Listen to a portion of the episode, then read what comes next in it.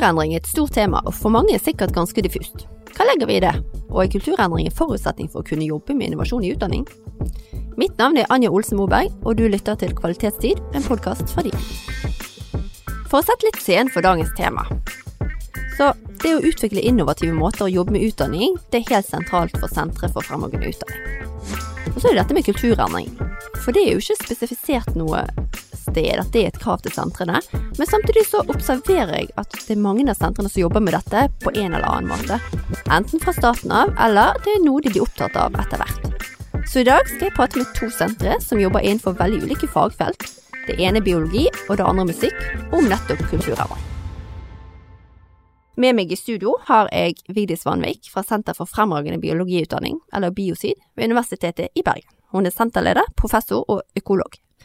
Vi har også med oss Jon Helge Sætre fra Senter for fremragende utdanning i musikkutøving, eller SEMPE, ved Norges musikkhøgskole. Han er senterleder og førsteamanuensis i musikkpedagogikk.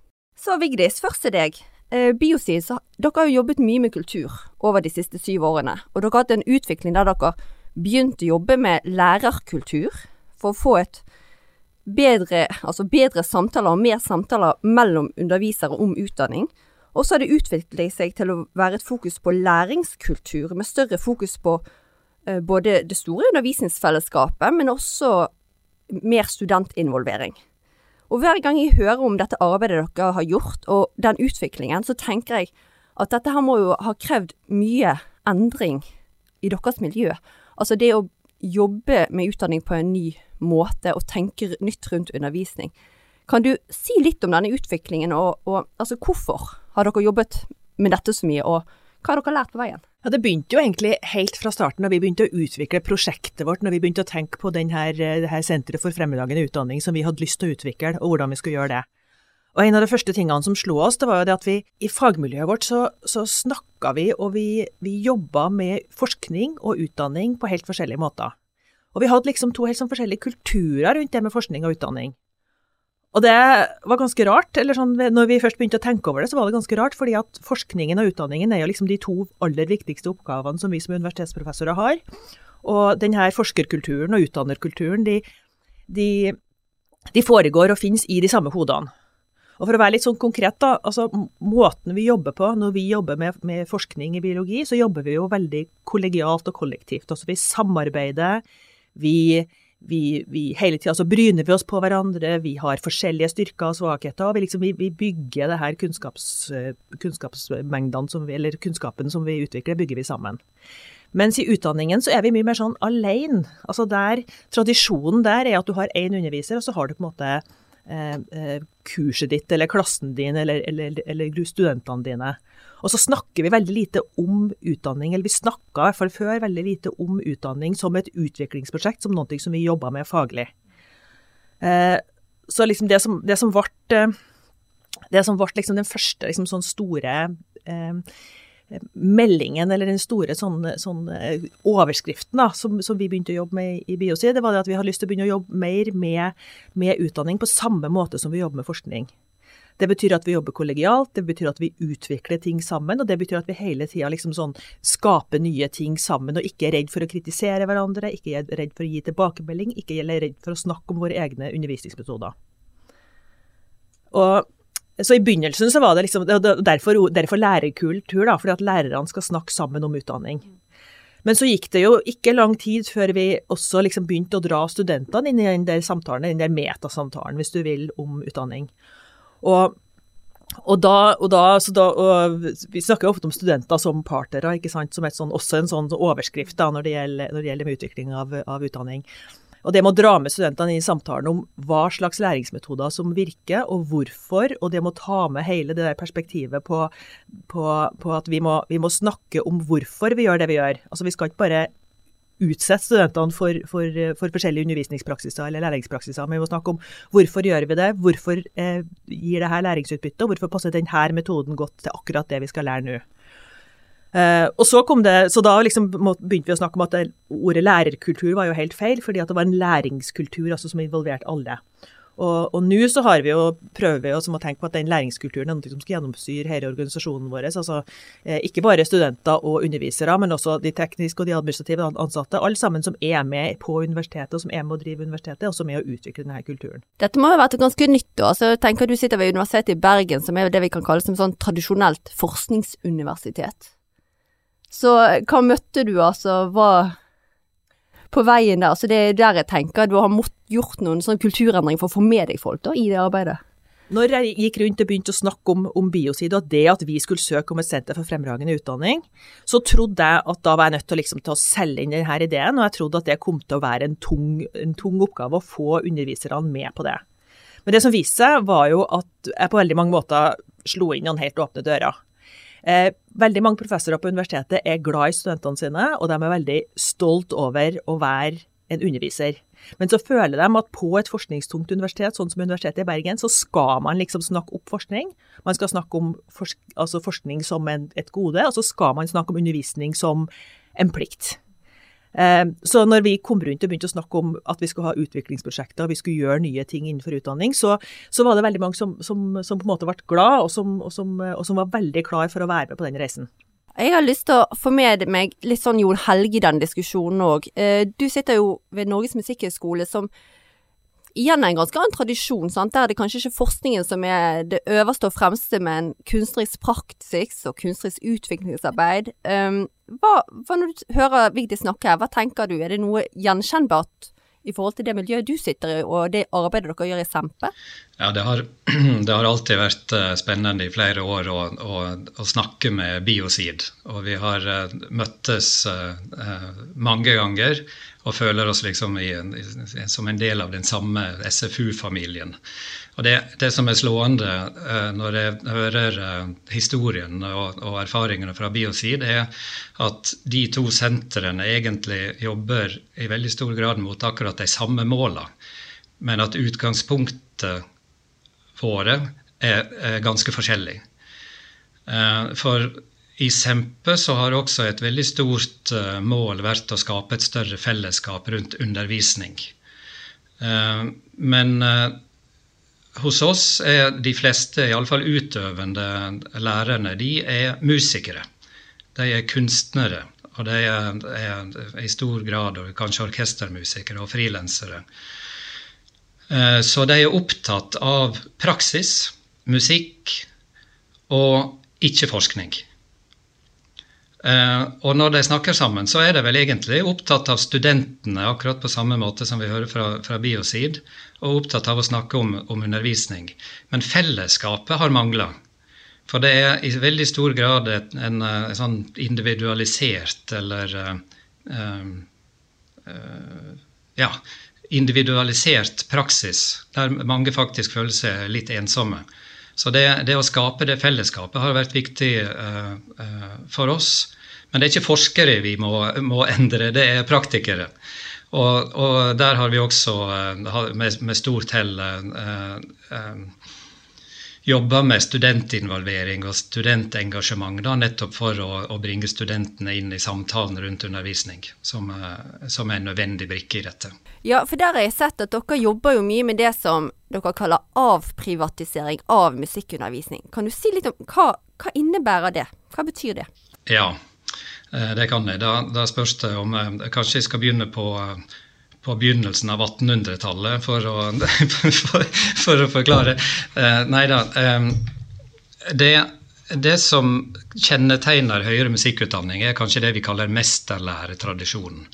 Altså det er små én-til-én-praksiser. Én lærer og én student i, i, stor grad.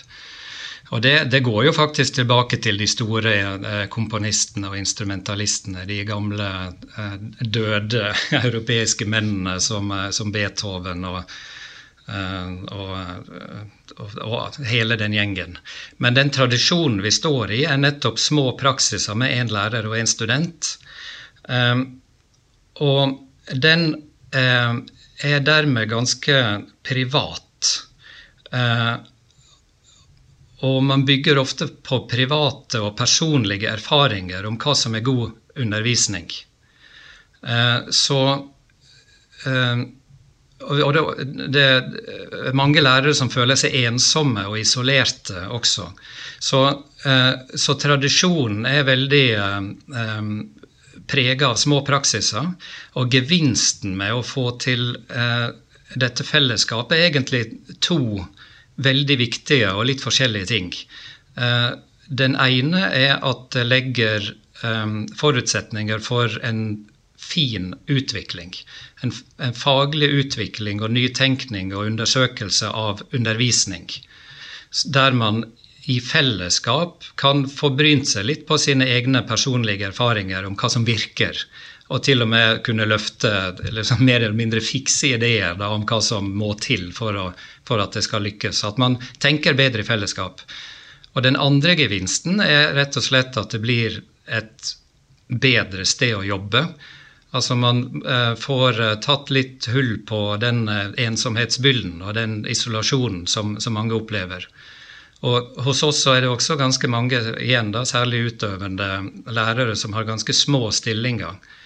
Eh, så det er et spørsmål om tid. Eh, mange må løpe liksom, til og fra undervisning eh, for å rekke andre jobber og andre konserter og, og hva det måtte være. Så både det å, å, å, skape et faglig fellesskap, sørge for et mer sosialt og, og, og bra arbeidsmiljø, faktisk, og, skape mindre ensomhet og isolasjon, og, skape da, eller egentlig ha ressurser da, til at man får tid til å treffes. Opplever du at du, øh, altså dette møtes øh, altså Ønskes det velkommen i denne endringen? For jeg, altså det som du viser til, det er jo her er det virkelig tradisjonsrike, en tradisjonsrik kultur du går inn og sier at kanskje vi skal gjøre dette litt annerledes. Ja. Hvordan har du opplevd den? Ja. ja. nemlig. Jeg opplever det samme som eh, Vigdis nevnte, at det blir, blir tatt imot med åpne armer.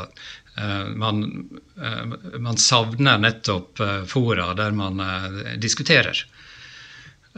Og det er veldig mange ansatte som har Jeg husker jeg, jeg, jeg begynte å snakke om det som en sånn utviklingsiver. Det er Massevis av ideer. Og, og også liksom problemer og utfordringer. Og man har veldig veldig stort behov, og, og folk syns det, er artig å, å, snakke om sånne ting når man først klarer å møtes. Du Vigdus, hva tenker du her når du hører Jon Helge? Fordi at uh, altså, jeg tenker biologi eller realfag, det er jo kanskje ikke privatundervisning som er mest vanlig hos dere? Altså på, på bachelorprogrammene våre så underviser jo definitivt i grupper og i store, i store eh, klasser og kull. Men, men, veiledningen på mastergrad og videre opp, det er jo faktisk et én-til-én-forhold. Og det er jo en ting som vi har hatt veldig lite fokus på i kvalitetsutviklingen i, i høyere utdanning egentlig helt fram til i dag. Så, så, bare for å sånn Når eh, Knut Helge sa det med at, at vi, har, vi, har, jo kjent hverandre lenge, Sempe og, Sempe og Biosi, da kan jeg jo si at når, når, vi kom inn i denne SFU-familien og så på de andre sentrene, og hvem det var vi skulle, skulle samarbeide med av andre SFU-er, så tenkte jo Jeg tenkte kanskje at ja ja, matematikerne dem kan jeg sikkert jobbe sammen med, men disse, men disse musikerne det er jo ganske langt unna oss. Og så opp gjennom årene når vi har møttes og snakka sammen, så har vi på en måte skjønt at den her altså det er mye større likheter mellom de helt forskjellige fagfeltene enn det man skulle tro. Sånn i, i biologi så har vi jo vi, vi, skal sosialisere studentene inn i en slags sånn forskerrolle, og forskerrollen er på en måte den som er vår, som ligger, som ligger oss nærmest, sånn i, i ryggmargen. Mens hos, uh, hos, uh, hos Sempe så skal de innsosialisere studentene i en musikerrolle, og hvor da, hvor da deres lærere har musikeren som det som ligger i ryggmargen. Og det som vi har felles, er at vi er ekstremt profesjonelle profesjonelle på, på den delen av fagrollen vår, mens, mens akkurat denne veileder- og underviserrollen, den er vi kanskje ikke så profesjonelle på. Og, og, og når, vi, når, vi, har mindre faglig tyngde og kunnskap og, og, ba, liksom basis i, når det gjelder det med å, hvordan man underviser, eller hvordan man får til god undervisning, og hvordan man får til kvalitet i undervisningen og i veiledningen, da, så, så, betyr jo det også at det, går, at det blir en mer sånn personlig rolle. Og dermed Altså, det går mer på, på, på Det blir mer privat, da. Og det er faktisk et ganske stort problem, fordi at det betyr at når du, når du, når du mislykkes, for vi gjør det, altså noen ganger så får vi til ting bra, og noen ganger så går det ikke så bra. Og når vi mislykkes, så blir det så privat, så blir det så personlig. Så hvis vi kan klare å ta det opp på et mer sånn faglig nivå, hvis vi kan klare å snakke om undervisning som et fag, og snakke om undervisning som noen syns det går an til å lære seg, så betyr det også at både at, at nederlagene blir mindre personlige, og derfor mindre farlige, de kan snakkes om, men så betyr det jo også at seirene blir, blir noe som ikke bare handler om at jeg er fantastisk, men som handler om at, at jeg kan noen ting og jeg har teknikker som kan deles med andre. Så både, både, både seier og nederlag blir på en måte um, det er lettere å ta ting med seg, lettere å få spredning på ting da, hvis vi, hvis vi innser og tar inn over oss og snakker om undervisning og undervisningskvalitet som en, faglig, som en faglighet, som en del av fagligheten vår, og ikke som, ikke som en personlig Ikke som et talent eller som, som noe som noen bare naturlig gjør bra, og andre ikke gjør bra. Altså Nå sitter jeg og hører på dere, og tenker jeg ja, dere representerer jo begge erfarne sentre. Begge kommer fra sånn tradisjonsrike institusjoner. Og samtidig så høres det veldig sånn lett og greit ut. Ja, dere gjør jo ganske mye endringsarbeid her, da, men så høres det så hvis du bare går inn og foreslår noe gøy, så blir folk med, på en måte. Er det så enkelt? Eller, eller, er det sånn Er det lurt å være seg bevisst denne dimensjonen hvis du skal jobbe med innovasjon i utdanning? Jeg tror, jeg tror det, er både, det, er både, lett og vanskelig, da. Altså jeg tror den som eh, både Jon Helge og jeg og også de andre sentrene har, har virkelig har erfart, er at sektoren er utrolig klar for utviklingsarbeid på undervisning. Eh, og men det som er viktig da, er naturligvis at det er tid og rom. Det gis tid og rom til det. Altså at institusjonene og at lederne våre innser at undervisningsutvikling er en del av undervisningen. Akkurat som forskningsutvikling og musikalsk utvikling er en del av, av, eh, av det arbeidet vi gjør på den, på den sida av, av, bordet, for å si det sånn. Så det er klart vi må ha tid og rom. Altså jeg tror det er ganske viktig uh, å ha en viss åpenhet knytta til, uh, til både innovasjon og og nytenkning og sånn. Og det, det, er en liten, så, sånn paradoks med, med denne ordningen med Senter for fremragende utdanning. For der er det utrolig flinke fagfolk som har laga planer og prosjekter og har en idé om, om, om hvor man skal, og, og, hva som er lurt å satse på osv. Uh, samtidig så, så, Hvis man overdriver den opplevelsen av at man vet hvor man skal, da, så er det kanskje ikke helt det beste utgangspunktet for, uh, for samtaler og diskusjoner i et større fellesskap. Så man må, må balansere den, uh, de ideene og, og den, liksom, den, retningen man har tro på, med en viss åpenhet som skaper rom for at alle kan tenke sjøl. For, for, hvis man liksom, Det er jo klassisk at hvis man opplever at man får tredd løsningene nedover hodet, og, og, at noen har tenkt uh, ut hva som er det beste, så kan det være kontraproduktivt nettopp i, i disse fellesskapsarenaene osv. Og det, bare for å kommentere på det, da, for det, det handler også om det med profesjonalisering av lærer- eller underviserrollen. da. Fordi at vi, vi, er jo så utrolig proffe på fagene våre. ikke sant? Altså som, som, forskere og som musikere så er vi så innmari proffe på det. Og så tror jeg det er veldig mange som, som opplever at som, som underviser så, så, undervisningsmetodene og det pedagogiske er vi jo ikke så profesjonelle på. Altså Det er jo ikke vårt fag. Og det er veldig mange som, som føler litt sånn usikkerhet i forhold til det. da. Og nettopp derfor så er det utrolig viktig at, at vi, vi, at vi her i arenaen som vi snakker om, da, at det må, være, det må være plass og rom til å til å, å, å, å bruke forskerhodet og bruke forskertanken, eller, da, eller det profesjonelle i oss, da, på, på denne arenaen som er litt utenfor komfortsonen.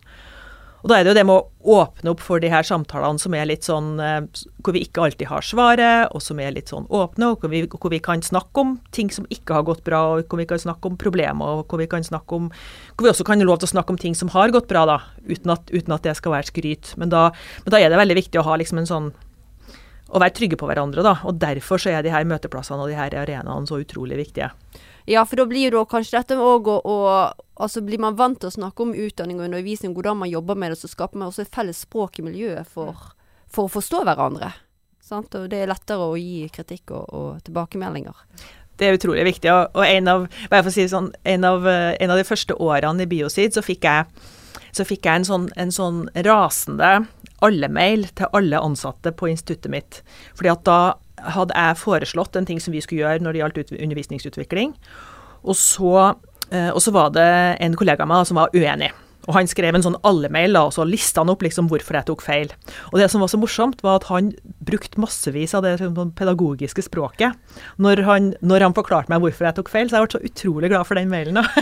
fordi at, fordi at det viste liksom at vi faktisk hadde en diskusjon om undervisning som ikke bare gikk på det praktiske og det organisatoriske, og at vi har for lite ressurser og på, og på de typene, men gikk litt på hvorfor og hvordan pedagogikken skulle være skrudd sammen, hva som var målet. Før vi avslutter, så vil jeg litt tilbake til uh, dette som Vigdis tar opp med arenaer for å jobbe med innovasjon i utdanning. For det vet jeg dere i Sempe har vært opptatt av også, Jon Helge? Ja, det, uh, det har vi altså. Um vi har vel kanskje jobba på, på, flere måter med det. Altså en, en, viktig arena er rett og slett uh, å uh, etablere felles prosjekter med, med ulike deltakere. Altså for da kan man samarbeide om noe konkret. Uh, og det er ofte som sagt, samarbeidsprosjekter da, med, uh, med, deltakere fra litt ulike fagfelt, som gjør at man ser nærmere på en problemstilling eller, en praksis fra litt ulike ståsted, og man får til en sånn erfaringsutveksling mellom utøvende ekspertise, forskningsekspertise, pedagogisk ekspertise osv. Så, videre. så det har vært en veldig viktig arena rett og slett å jobbe i felles prosjekter. Um, og så har vi også hatt ganske, ganske mange um, ja, seminarer og konferanser, og, og også mer sånn debattarena, da, nettopp for å, å, å få opp uh, diskusjon rundt sentrale tema. Men eh, den kanskje mest slående arenaen er vel egentlig eh, studentene og, og, det som har skjedd etter at vi eh, begynte å satse mer Eller da vi oppdaga mer på kroppen hvor viktig studentinvolvering er i dette. Og der har det nærmest eksplodert, fordi at studentene er så um, både flinke og de opplever muligheter, og de opplever ikke minst problemer og utfordringer og stengsler.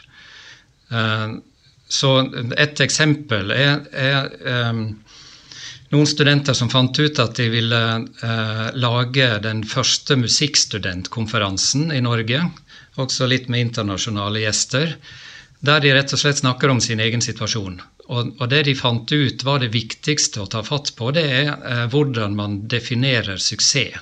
Eller hva skal til for å føle at man lykkes som musiker? Og at det i veldig stor grad, mener de da, er liksom eh, usagte forestillinger om enten den liksom store internasjonale solisten eller orkestermusikeren som får jobb. Mens veldig mange opplever at det, de, de, tingene, det, det, det når man ikke. Og det er så lett å føle at da, ok, hvis ikke det skjer på min kant, så har jeg mislykkes. Uh, og, og, og, de setter i gang da med, med egentlig ganske store verdidebatter. Så, så, både det at studentene involverer seg og har utrolig mye å komme med, som, som ikke vi ansatte har uh, liksom, sjans på å, å, uttrykke så klart og tydelig, det har vært veldig, veldig artig å, å se. Og også nettopp at, eh, at, når studentene først har skjeen i egen hånd, så er det faktisk verdidebatter og ganske store ideologiske og, og sosiale spørsmål som, eh, som, de mener er viktig. Til og med i dette litt rare uh, musikkfeltet, der man kanskje skulle tro at man var opptatt av helt andre ting.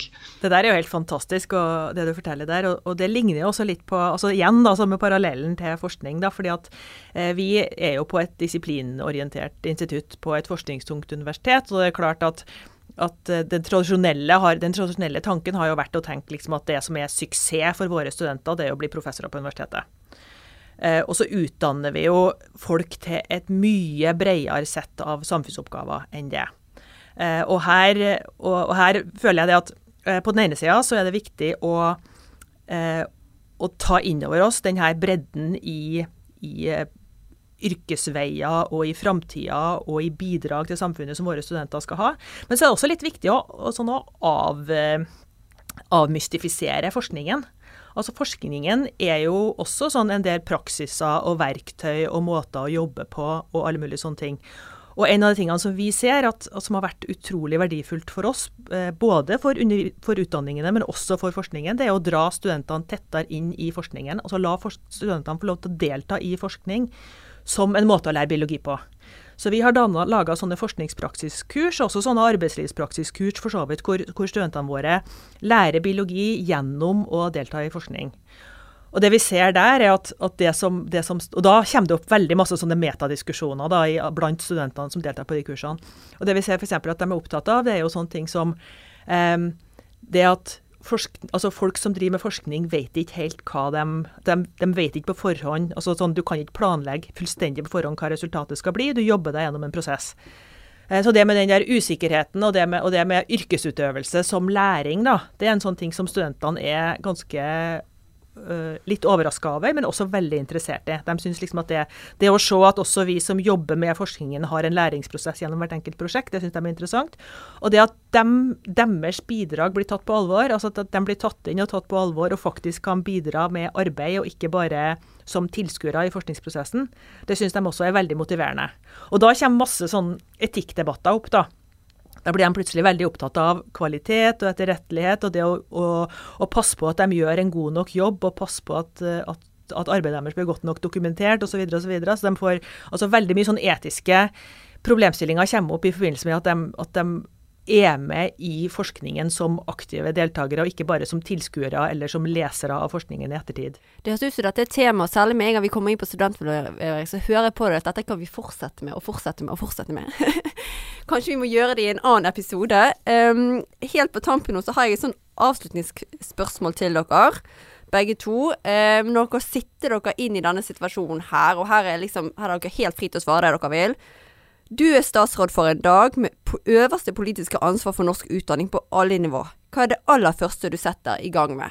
Jon Helge, først til deg. Mm, artig utfordring. Eh, da tror jeg for det første jeg ville tatt et eh, dobbelt grep eh, som handler om humaniora sin rolle i samfunnet. Jeg ville, som kanskje har vært delvis gjort før, da, men, men kanskje glemt litt igjen, Altså jeg ville utfordre humanistisk forskning, og ikke, ikke minst uh, kunstnerisk forskning og, og, og utdanningsfeltet. da, til å tenke igjennom hva er det man eh, kan gjøre for å forbedre samfunnet. Hvilke, uh, hvilke roller har man i å se på samfunnet på nytt? Hvilke løsninger, hvilke perspektiver har man for å kunne gjør samfunnet til et bedre sted. Den, det andre grepet i samme knipetangsmanøveren ville vært å, å gitt uh, mer uh, midler til uh, humanistisk utdanning og forskning. Sånn at flere kommer, kommer med, får en plass på bordet. Plass ved bordet, heter det vel. Uh, en annen ting som jeg ville gjort, det kanskje å uh, nærmest kreve at pedagogisk utviklingsarbeid skulle være nærmest obligatorisk bruk av forskningstid på universiteter og høyskoler. Sånn at man ikke kun vektlegger faglig forskning, men som vi i SFU-familien er opptatt av, da, stimulerer stimulere til at folk faktisk bruker tid ukentlig på å tenke nytt rundt undervisning. Veldig bra. Vigdis? Du er kunnskapsminister for en dag. Som kunnskapsminister for en dag så ville jeg tatt tak i studentene sin rolle i samfunnet. Eh, tradisjonelt så tenker vi på studenter som mottakere av undervisning og som mottakere av en utdanning. Men den ene tingen som vi virkelig har lært gjennom SFU-arbeidet, det er at studentene er utrolig viktige bidragsytere i undervisningsutvikling og i forskning. Og gjennom praksis i forskjellige samfunns, andre samfunnssektorer, så kan de også være viktige bidragsytere i, andre, i, en større del av samfunnet. Det betyr at praksis i utdanningene handler ikke bare om hva studentene skal lære og hva studentene skal oppnå, men det handler om hvordan studentene kan bidra i samfunnet. Det er viktig for motivasjon, og det er viktig for læring. Og det er også enormt viktig for alle de som kan motta bidrag fra, fra, studentene gjennom praksis. Så jeg tenker at å utvikle praksis i utdanningene på en sånn måte at vi ikke bare tenker på hva studentene skal lære, men hvordan studentene kan, bidra i samfunnet, er utrolig viktig. Og så er det sånn at studenter er en eh, stor Vi har 300 000 studenter i Norge til enhver tid. Det er en stor gruppe. Det er også en veldig ressurssterk gruppe mennesker. Men det er også en gruppe mennesker som er i en litt sårbar livssituasjon. De er eh, økonomisk sårbare. De har ofte flytta. De kan være litt sånn sosialt sårbare. Eh, og de er også i en situasjon hvor de er avhengige av at de skal lære, og de skal oppnå et læringsutbytte i løpet av en kort tid. Nå i koronatiden så har vi sett at eh, studentene eh, eh, eller vi har på en måte fått illustrert denne sårbarheten på veldig mange måter. Så som kunnskapsminister så ville jeg også hatt en større Eh, et litt større fokus på å sikre studentene sine interesser og studentene sine rettigheter i sånne litt, eh, særlig sånne risikosituasjoner sånn som vi har nå i forbindelse med koronaen. Og Da snakker jeg sånn konkret om det økonomiske, men jeg snakker også om å sikre deres rettigheter i form av, i form av sånn at, de skal, at, de skal, ha mulighet til å, til å, oppnå studiekvalitet, og at de skal ha mulighet til å ha gode rammer rundt studiene i alle typer situasjoner. Da vil jeg gjerne si tusen takk til dagens gjester, Vigdis Vanvik og Jon Helge Sætre, for at uh, dere ville være med i dagens podkast og dele av uh, deres erfaringer. Lykke til videre med arbeidet deres. Uh, tusen takk også til deg som lyttet til denne podkasten. Jeg håper at du også har lært noe nytt og viktig. Mitt navn er Anja Olsen Moberg, og du har hørt på Kvalitetstid, en postkast fra Diku. Har du kommentarer eller spørsmål fra denne episoden, ta gjerne kontakt med oss på post.alfakrølldiku.no. Og vær på utkikk etter nye episoder av Kvalitetstid. Vi høres!